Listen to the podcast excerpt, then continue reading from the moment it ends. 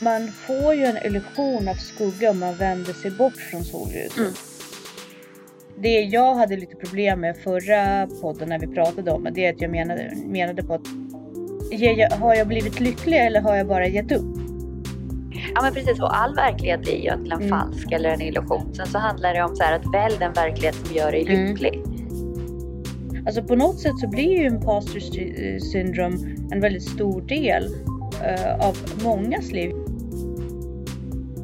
Du kan annars aldrig känna samhörighet med den världen som du lever i. Och känner inte Nej. du på något sätt den här samhörigheten och att du är nyttig eh, Mm. och att den nytta du gör för dig själv även fyller ett högre syfte i ett samhälle.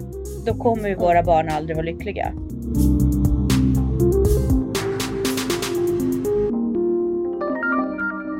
Hej Jessica! Hej Tanja! Hur är det? Eh, det är bra. Jag, eh, Schysst. jag känner mig väl någonstans eh, lite skamfylld över att du måste gå igenom det här igen med mig. Nej, vadå för något? Utanför schemat. Nej men det är sånt som händer, herregud. Det Ja, är bra att vi får till det. men, men jag känner ändå så efter, efter eh, tre år så borde jag väl vara lite mer rutinerad. Men det händer ju faktiskt ändå väldigt ofta att Nej, någonting går fel. Jo fast det gör det ju för andra också fast de inte talar om det. Ja. Antar det. ja, Jag eh, eh, sitter i en bil här på väg ut till Sandhamn. Vi ska käka julbord. Ah, si- sitter du i bilen? Ja. Eh, hej till den som lyssnar på oss. alltså, jag tänker på det här, jag har ju fortfarande kvar mitt ryggskott. Så jag bara blev så här Mm. medveten om det här med smärta. Alltså nu börjar det göra så ont. Alltså förut har jag Ja. har, tidigare har det varit mer så här, det har liksom inte varit smärta utan det har liksom bara varit så irriterande. Mm. Nu kommer det så här stötpulsar med liksom ren och skär smärta. Men det är så intressant för varje gång en sån där äh, smärtgrej kommer så efterföljs den av att det försvinner på en gång. Det måste ju vara att kroppen pumpar ut något smärtstillande. Liksom, att det blir så här, det pikar i, i en smärttopp och sen så bara klingar det av direkt som att man får bedövning. Fast det måste ju vara kroppen som bedövar det själv. Det är en eh, spännande fråga för jag har funderat också på det här hur, hur, hur, alltså, hur kan man driva kroppen till att faktiskt eh, bedöva sig själv på ett vettigt sätt. Men för att man kan ju vara, vi har ju förmågan att döva eller tänka bort eller liksom så här, få Ja, bort smärtan. Jag, Men- så att, eh, jag lyssnade på en intervju med Jan Guillou här igår. Ja, just det. Eh, Mm. och då pratade de med honom just om det här med ondskan och liksom vad, vilka spår den här ondskan har lämnat Mm. hos honom och så. Och då sa han det att här, jag tror att jag är ganska smärttålig. Mm. Eller jag är fortfarande ganska smärttålig. Eh, och då så pratade de om det här med självkontroll och han bara det handlar bara om adrenalin och fokus. Mm. Ja, precis. Jag hörde någon liknande som han pratade om med det här att ta kontroll. Alltså, det, det är så här, det, de tre bästa sätten att få dig att tappa kontroll, det är att få dig att tänka på saker som är utanför det du kan påverka. Något som du inte kan påverka. Eh, då tappar du fokus totalt. Så om du bara fokuserar på det du kan påverka så, så brukar man återfå känslan av kontroll. Sen är det så här, Mm fokusera på saker som du inte har. Mm. Så om du hela tiden tänker så ja men mina föräldrar är inte rika, jag kan inte uppnå det. Också tappa fokus, tappa kontroll. Och det Mm. sista är att börja tänka i framtidstermer eller vad som hände förr i tiden. Också utanför din kontrollförmåga. Apropå förra avsnittet med ångest. Där har Ja. du ju ångesttriggers. Ja, precis. Det, det är faktiskt sant. Och, men, men för att återgå till till exempel smärtan eller uthållighet och grit. Om Mm. man i stunden av den här svåra, liksom, ja, just nuet. Om man Mm. bara fokuserar på de här tre faktorerna, då återfår man på något sätt kontroll och tappar inte gritten. Man ger inte upp där för att man Nej. fokuserar bara på saker som, men det, det är inte kemiskt smärtstillande, men det är ett sätt att liksom på något sätt trimma upp hjärnan. Ja. Eh, och bara, men jag är här nu, nuet liksom. Vad har jag kontroll över? Kan jag vända mig på ett sätt som passar? Kan jag, vad kan jag göra nu i stunden? Liksom så. Mm. Men eh, för att återkomma, jag tror, jag tror så här att våra lyssnare vet inte om att du har ryggskott. nej, jag kanske inte Eh, pratade om det förut. Jo, vi pratade, nej. ja, nej. Och, och det är ju så att du har fått ryggskott och jag frågade dig vad ryggskott är. Du berättade för mig det är en liten förskjutning i kotorna. Som kan vara Ja, eller, eller bara en muskellåsning. Liksom. Ja, en muskellåsning och det kan också leda till att nerverna kring det inflammeras och eh, ja, det blir smärtsamt liksom att eh, Mm. röra på sig. Och att du har varit eh, duktig och vad heter det och stretchat och förhoppningsvis fått bort det mesta av det. Men eh, är det är det så att du behöver gå till någon som flyttar tillbaks dina kotor tror Nej, inte i det här läget för nu ligger de inte snett längre utan nu är det bara muskelirritationer. Nu är det bara, ja, mm, jag förstår. Så du har stretchat tillbaka kotorna? Mm. Det, det är också någonting som är väldigt bra att man tar kontroll över att faktiskt lär sig. Att man inte hela tiden blir överlämnad till en läkares eh, eh, förmågor. Och eh, bara för det så tänkte jag faktiskt lägga in någonting som jag lyssnade på igår när jag hade eh, några timmar på mig och en dokumentär på P3 om den här eh, läkaren från Karolinska. Ja, ja. Det var en hemsk historia eh, om en läkare som eh, eh, började operera in plaststrupa på folk. Uh, ska vi se vad han hette. Han hade en sån här Machiavelli-namn. Ja, ja. Ma- Machar, eh, han, Mache- hade ju Macchiarini. ingen, han hade ju ingen läkarutbildning heller egentligen. Han hade ju bara fejkat allt det. Ja, jag hade förstått som att han hade haft en läkarutbildning. Alltså kanske han hade blivit Eh. avstängd, så kanske det var. Men han var i alla fall inte... Ja, men han, ja precis. Han hade blivit avstängd från rättigheten att, att eh, eh, operera. Alltså, Eh, så han hade ing... trots det. Nej, han hade ingen legitimation precis. att operera. Eller han hade fått kvar sin läkarlegitimation. Men han hade inte tillgång till operationsbordet. Han fick inte praktisera operationer. Ändå anställde då Karolinska Men han honom hade väl och, fejkat sina eh, dokument tror jag. Ha, ja, det framgår ej riktigt i dokumentären. Så kan det ha varit. Jag har inte, jag hängde inte med det där när det hände. Det är så här stor, jättestort fall som jag hade varit missat. Men det är för att jag inte lyssnat på nyheter och så. Jag gör ju helst inte det. Men, eh, men jättespännande och hemskt fall. Mm. Därför att jag förstår verkligen inte hur, hur han kunde bara han var psykopat. Han hade väldigt, eh, väldigt stark karisma. Han hade han hade nästlat in sig hos rätt folk, manipulerat folk, manipulerat eh, en eh, journalist eh, som han gjorde till sin fästmö. Alltså det, det var så hemsk historia. Men värst av allt, alltså åt, eh, eh ja precis sex människor som man har spårat tillbaka som fick de här helt uh, värdelösa uh, stru, som, som började mögla och ruttna. De dog allihopa. Mm. Och det, jag, det gjorde sån intryck på mig och på tal om att inte alltid behöva ha läkare. Nej. Men, men eh, det var inte liksom det som var temat för, för vår podd idag egentligen. Utan det, det handlar om att hitta till sig själv och sitt äkta jag och liksom lite så. Ja, men lite Men temat det- är det ju för att det handlar ju också om att ta Ja. ansvar för sig själv. Och ju mer du är sj- Exakt. självförsörjande eller vad man ska säga, desto mer makt har du över dig själv. Exakt. Eh, för, för den personen som inspirerade dagens eh, podd var ju en swami, en buddhistisk munk som, eh, som har varit eh, i kontakt med Dalai Lama och sådär men eh, som också oj, som också har gästat eh, våran, eh, en av våra favoriter Tom Bilyeu och han hette Radhanat. Eh, eh, Radhanat, ja precis, Radhanat Swami. Han bor i USA.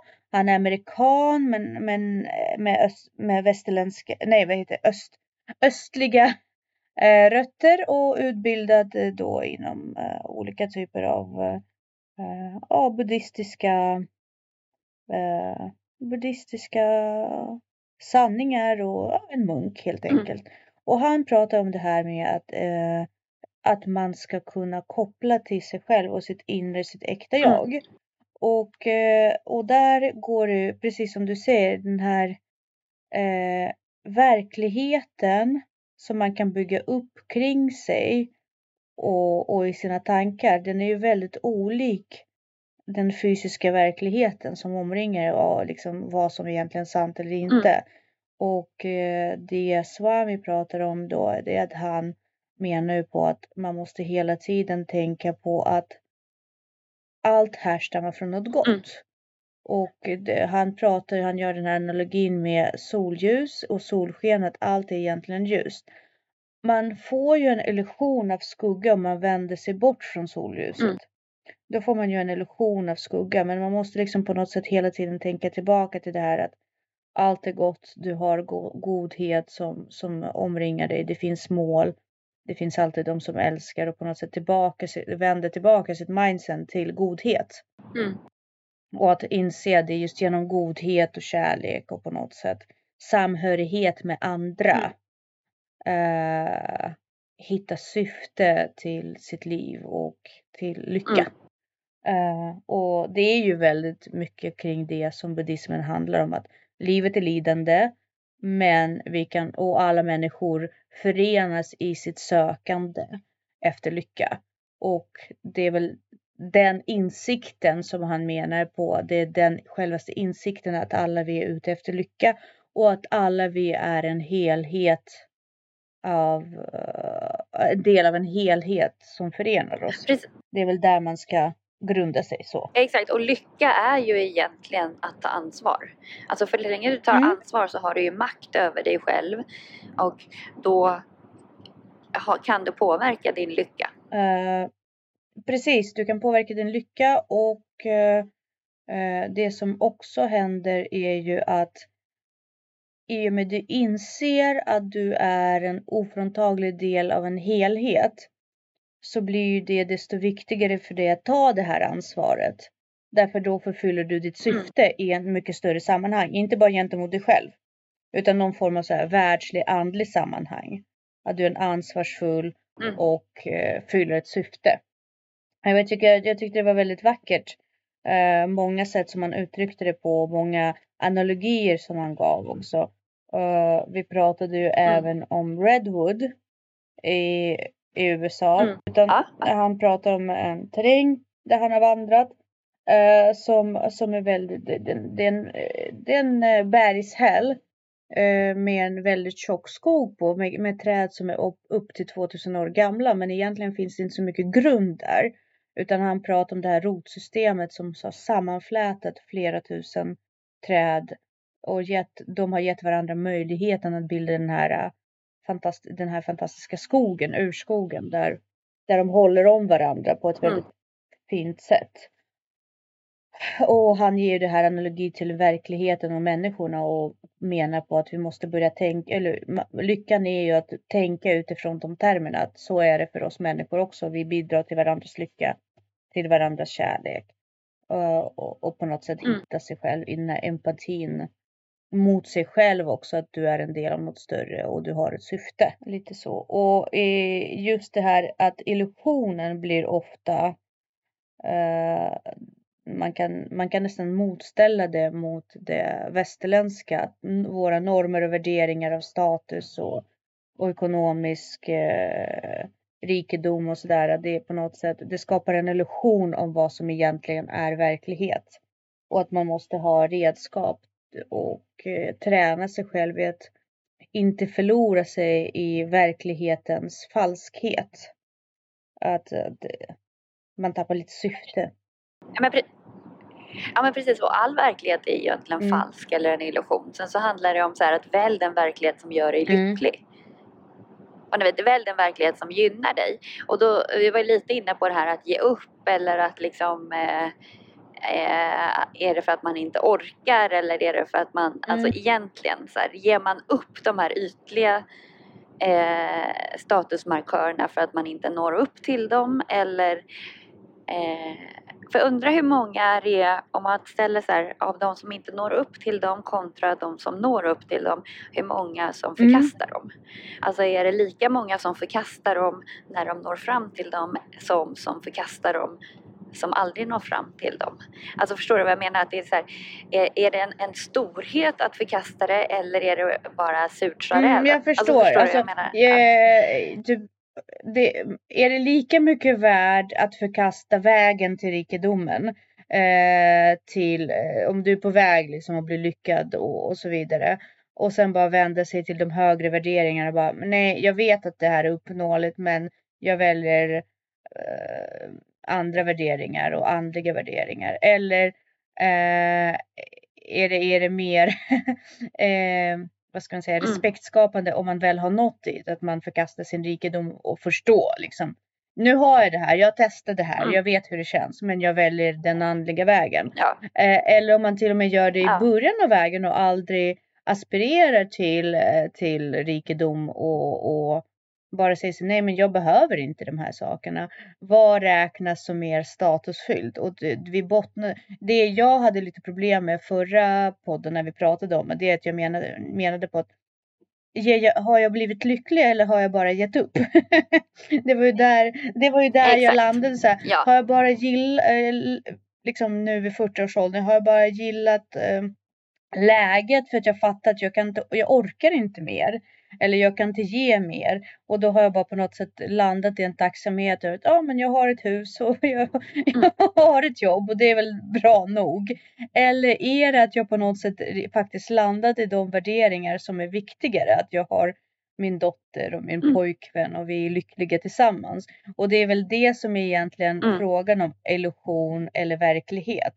Och det är väl lite upp till var och Mm. ens andlighet att söka efter det. Exakt, och spelar egentligen någon roll eftersom alla verkligheter är illusioner. Vet du, fast jag tror att det Eh, gör så- det. Jo, det spelar ju roll så länge du mäter dig genom andra, så länge du liksom blir till genom andra. Eh, Men det spelar ju inte roll, så om du inte relaterar till andra människor så spelar det ju ingen roll överhuvudtaget. För att just status och sådana grejer är ju beroende av att andra människor, alltså det är det som är poängen. ja, Men är du en solitär, då spelar det ju ingen Eh, roll. Så kan det verkligen vara. Men jag tror på något sätt att man har det finns ju ropt inåt i en själv eh, en eh, djupt grundad att det, det finns en egen liten så här, ett litet troll som alltid säger till dig nej men det här är, det här är falskt. Ja, ja. Och det här och det, det är väl att du måste förhandla med den här eh, jaget över jaget och bara när man har övertalat sig själv. Men, men man vill ju förlora den här känslan av att man är en fraud, att man är eh, fake it till, make, till you make it eller vad är det? Men gud, jag hade den konversationen med en annan person häromdagen precis också. Just där, snart kommer de komma på att jag är Mm. en fejk. Man bara, fast du är inte en fejk. Alltså, den känslan, det är ju bara alltså, din, din jävel på axeln som säger det där. Det är ju inte sant. För du är inte en fejk, för du gör de här sakerna. Det är inte så att du inte gör dem. Du gör dem ju. Eh, ja, men vi har ju, vi har haft en eh, ganska intressant podd också om imposture eh, symptom. Och den handlar ju väldigt mycket om att det är någonting du ska känna. Mm. Det är en drivkraft att känna det. Så att Mm. egentligen att acceptansen av att det är en normal grej, att det är någonting som fyller en psykologisk funktion Mm. för dig att fortsätta anstränga dig och anpassa Precis. dig till din omgivning. Det är en Ja. strategisk eh, mekanism som hjälper dig med det. Eh, det, det måste, eh, medvetenheten om att den ska finnas där måste också på något sätt finnas i en människa. Annars kommer den aldrig se imposter symptom, syndrom som, som ett hjälpmedel utan det blir ju någonting som klankar ner på dig själv och bara jag är bara fake. Så människan, jag tror att människan du pratar med den var ju kanske bara inte medveten om det här är en överlevnadsmekanism som är, hjälper till. Nej. Och när man tar reda på det, då, då kanske det släpper och det blir en annan, ja.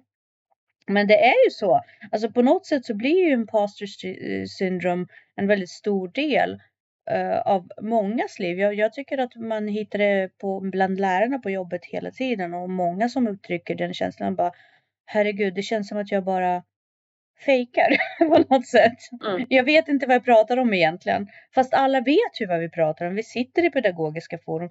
Vi har våra åsikter. Det är bara på något sätt att man har så låg tillit till sig själv. Att man Mm. vågar inte tro på äktheten i ens kompetens.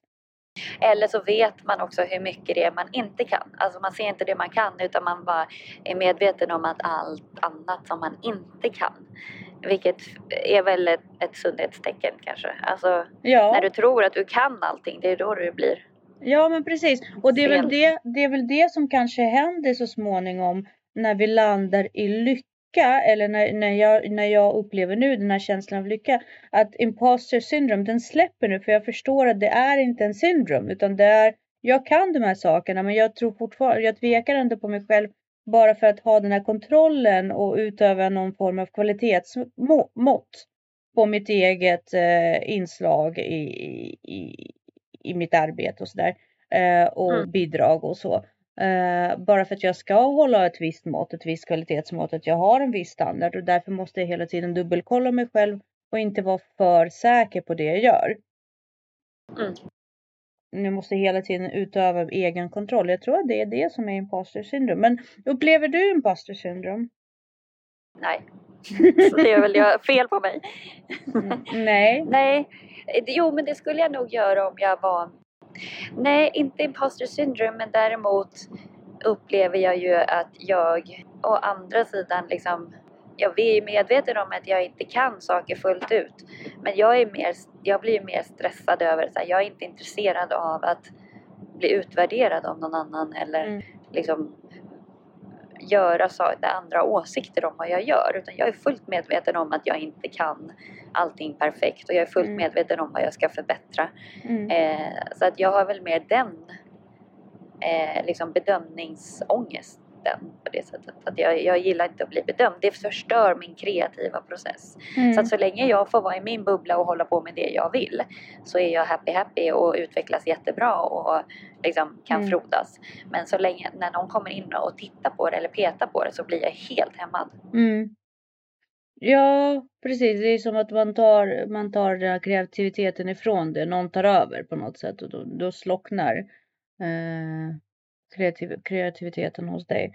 Det pratade vi också om förra, förra avsnittet eh, i samband med det. Det är ju en- eh, väldigt intressant också. En väldigt spännande vinkling. Eh, vi hade på jobbet att eh, våra chefer sa att ja, men ni, ni känner att ni har väldigt mycket krav på er. Vi gör det och vi ser det sådär. Kan inte ni bara sätta er i lag och berätta om alla krav ni har på jobbet som ni känner och sen bara utvärdera de fem viktigaste av alla krav. Vad är de fem viktigaste? Och det var sån himla samsyn i arbetslaget. Till och med jag som alltid brukar vara anti. Ja. Eh, hade fantastisk samsyn med alla och vi alla Vad är det för krav ni upplever då? Ja, att eh, barnen ska vara trygga. Eh, Att vi måste finnas i mellanrumsprocesser. Och att vi måste vara i tid men också kunna flexa. Att vi inte ska föra tröskelpedagogik. Samtidigt som eh, resurserna inte finns och man måste va- ha, vara flexibel. Så att vi, vi tyckte att det var väldigt många saker som drog åt olika håll. Förstår du? Mm. Att, att Ja. man kommer till jobbet, det är ingen personal, man måste eh, utöva tröskelpedagogik på något sätt eftersom Mm. det är så nu. Eh, Ja. Fastän man har en planering men man kan inte genomföra den.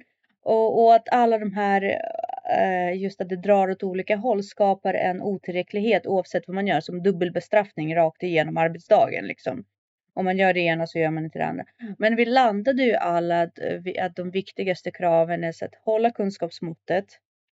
Eh, anpassa så att eh, eh, eh, göra, förs försöka differentiera utbildningen så att man både håller eh, de som är inte lika starka flytande men även utmanar dem, alltså så att man tillse, tillgodoser alla barn på något sätt. Att Mm. alla får en, en eh, meningsfull vardag i det de gör. Mm. Så mycket kretsade just det här att vi måste fokusera på att barnen ska ha en bra dag. Eh, men också lära sig vad det innebär att vara en ansvarsfull individ. Det, det tyckte mm. det samlades vi kring väldigt mycket. Att respektera dem och deras personligheter men också se till att de förstår behoven i samhällen, vem de måste bli, vem det förväntas att de ska bli. Och det, det, det, det, var en väldigt stark eh, samhörighet i gruppen och det lyfte en därför att det tog ju bort väldigt mycket av det här imposter syndrome. För mig till exempel, eh, jag är ju rätt trygg och klar i det jag gör i klassrummet. Jag är rätt säker. Men hamnar man i en miljö som tvekar och som säger att något annat är viktigt, att föräldrarna ska vara nöjda eller någonting. Då börjar man ju tveka. Jag börjar tveka på mig själv. Jag kan inte säga att man börjar, men jag börjar tveka på mig själv. För jag har ett starkt behov av att bli bekräftad i att jag tänker rätt. Jag har det behovet just på en arbetsplats därför att jag vill inte bli den som är rebellen längre. Jag orkar inte. Nej men det räcker med att du bara, alltså det viktiga där är att du har stöd från din chef. Ja men precis. På, ja liksom. men precis. Men det är också väldigt, eh, väldigt energifyllande att hela laget tänker de banorna tycker jag. Därför att man, man, man kan prata, man känner sig trygg och så vidare. Och ja, chefen stöder oss och vi stödjer varandra och det kändes så himla kul att vi kom överens och till slut alla de här andra kraven som, som fanns på administration och fylla mm. i saker, de föll så långt bak. Mm. Så våra chefer var så här, men vet ni vad? Ni har rätt att prioritera de kraven som ni som pedagoger uh, anser är rätt. Och det var så skönt att få den liksom, bekräftelsen. För de var i slutändan så kan all dokumentation göras i efterhand eller på något sätt skrivas av. Men vi kan inte skriva av barnens upplevelse av sin dag eller sin lust Nej. att bli engagerade. Och det var så skönt att de sa det. Det var liksom så kul att man var så här, ja, äntligen. Så att jag mm. tror att eh, många som tyckte att kraven var otroligt höga kommer fortfarande hög, hålla eh, höga krav på det de gör. Men de kommer, de kommer tycka att det är roligare att göra det. Ja, men apropå skolan och sådär, är du förvånad över PISA-resultatet? Nej, PISA är ju den här utvärderingen som man gör med alla OECD-länder. Ja, jag har inte eh, sett att, den. Jag har inte sett. Eh, nej, och då visar det sig att svensk skola rasar jättemycket i man, matematik och eh, svenska. Där, PISA-undersökningen, ja. Alltså skyller man på pandemin och sådär. Mm. Jag mhm. tror inte det har ingenting med pandemin att göra Nej. utan det här är ju ett, ett resultat av eh, det här har vi ju sett de senaste tio åren. Gud, att det faller ja. och det är ju för att vi för att eh, det kommer individer till skolan som inte mm. vet varför de är där så att vi Precis. måste ägna väldigt, väldigt mycket tid till mm. eh, uppfostran istället för undervisning. Oh. Men jag tycker att det är väldigt spännande att man direkt bara, det beror på pandemin. Man, man bara, men bort. helt ärligt, alltså Nej. grundskolan var stängd två eller tre veckor Exakt. under hela pandemin. Det har inte med saken att göra. Och sen så kanske vissa var lite mer sjuka hemma och lite så här. Men det, det var ingen som var borta så mycket att det Nej. påverkar ens förmåga till läsa och skriva och räkna. Eh, men däremot den nya läroplanen ja. eh, som eh, lobotomerar oh. elever och hur hela Den är ju fruktansvärt. Ja. ja men det är ju Skolverket som har gjort att vi har blivit så här dåligt. För, ja, eh, jag tycker att det är lite skrämmande. Alltså, förlåt, att, jag hade ingen aning om den här. Det är ju säkert så att lärare måste veta det givetvis. Jag har, jag har aldrig hört uh, talas om den. Men vilken tur att du, du har eh, fört mig in i, i den här mm. kunskapen. Men sök på PISA. Ja, jag har gjort det. Jag har det framme och det, det är oroväckande eh, det jag ser. Och jag ser också att, att politikerna här är... är fel ute. ja, precis. De är så här, ah, det är för hård kritik och det är inte vi ja, och bla bla bla. Fråga, men, men, fråga de som jobbar i skolan. Exakt, jag tänkte precis säga. För de lär ju veta det. Ja, jag tror inte att den endaste lärare är sådär särskilt förvånad. Och vi kan också säga att det är mest Nej. flummigheten i vår läroplan som har orsakat ja, det här. Exakt. Det här är ju ja, inte. Det här är inte vi. Det här är att man har med omsorg valt dubbeltydiga ord i läroplanen. Ja, och att man inte ställer krav på elever. Exakt. Ja, och det, det gör man ju inte tack vare att läroplanen är så flummig i vissa avseenden. Mm. Därför att man, alla rektorer kan vrida och vända på det här. till sin fördel. Jo men sen är det ju också eh, uttalat att du ska, alla ska inkluderas och du ska Mm. anpassa undervisning. Precis. Och det blir att man anpassar den efter den svagaste. Så att det Exakt. blir ju verkligen, eh, det sänker ju nivån Mm. något Mm. enormt. Det sänker nivån Men, eh, och, och, och samtidigt, jag har ju till exempel två elever i min klass just nu som vi vet inte kommer klara målen och föräldrarna är med på det. De säger så länge de har det kul i skolan. Och, det, det är så här, men då är skolan helt fel organ. Ja, precis. Det, det och då blir det också så här, ska skolan uppfostra, ska den förvara eller ska den utbilda? Mm. Och det har man inte landat, det har man inte bestämt sig för. Nej, och då, eh, frågan är så här. eh, Jag vill inte, jag, jag vill, jag vill inte låta som att det ska gå ut över just de här elever eller de elever som jag har just nu. För de är fantastiska ungar, alla på sina egna sätt. Och jag tycker verkligen Mm. genuint om mina elever. Det gör alla lärare. Liksom vi, vi, vi är där av en anledning. Men om våra pengar, skattebetalarnas pengar, inte går till att skapa en ny generation som är duglig att hålla i samhället. Varför gör vi det här? Ja, precis. Det, det är väl det som är den grundläggande frågan. Om vår, eh, vår monetära investering Mm. inte ger Inte ger avkastning. Vad fan håller vi på med? Exakt. Det- det är så löjligt att hålla barn Mm. glada. Då behöver de faktiskt inte vara i skolan. De behöver inte det. Nej. De behöver inte ha Nej. någon som utbildar sig i fem år och skriver eh, en uppsats för att, för att de ska ha det kul i skolan. Faktiskt inte. Nej. Eh, Nej. De behöver Så det är ju ett inte ha, samhällsproblem. ja, de behöver inte ha en sån himla kontrollerad och påkostat system för det. Man kan köra ut, eh, man kan ge dem rikskuponger istället för att ge dem skollunch. Alltså man kan outsourca hela grejen om de bara ska ha roligt. Ja. Ge dem, när de, när, de- när de blir 11, eh, låt dem komma in i kommunhuset, få sin dator, få sina rikskuponger och sen kan de ha kul. Eller bara gör som man gör i Finland, va? att man har, eh, man har inte skolplikt, man har utbildningsplikt. Ja, inte vara i ja. skolan, men du ska se till att ditt barn blir utbildad. och lägga den på föräldrarna ja. Mm. Lägg plikten på föräldrarna och eh, precis och utbildning. Jättebra. Gör skola till någonting som folk faktiskt aspirerar till att vara i. Inte någonting som har blivit som en fotboja för våra barn. De har ju helt Mm. tappat, de, de ser ju det som ett straff. De är bundna till skolan, de ser inte längre det som tillgång. Och eh, eh, om man knyter tillbaka till eh, kanske ursprungliga ämnet som vi har haft i den här eh, podden då, att inte förlora sig själv och inte förlora liksom äkta mening med livet. Då måste man ändå slå tillbaka till det här med barn och barnens ansvar och att Mm. försöka förklara för dem att anledningen till varför du får den här kunskapen och varför du ska ta ditt eget ansvar. eh, Det Mm. är just det här med att du kan annars aldrig känna samhörighet med den världen som du lever i. Och känner inte du Nej. på något sätt den här samhörigheten och att du är nyttig eh, Mm. och att den nytta du gör för dig själv även fyller ett högre syfte i ett samhälle. Då kommer ju Mm. våra barn aldrig vara lyckliga. Exakt. Utan allt kommer kännas som en skuld, som en eh, liksom, Meningslöshet. meningslöshet som man blir påplackad istället för att någonting som man bidrar med helt enkelt. Bra sagt. du ska du få åka till Sandhamn.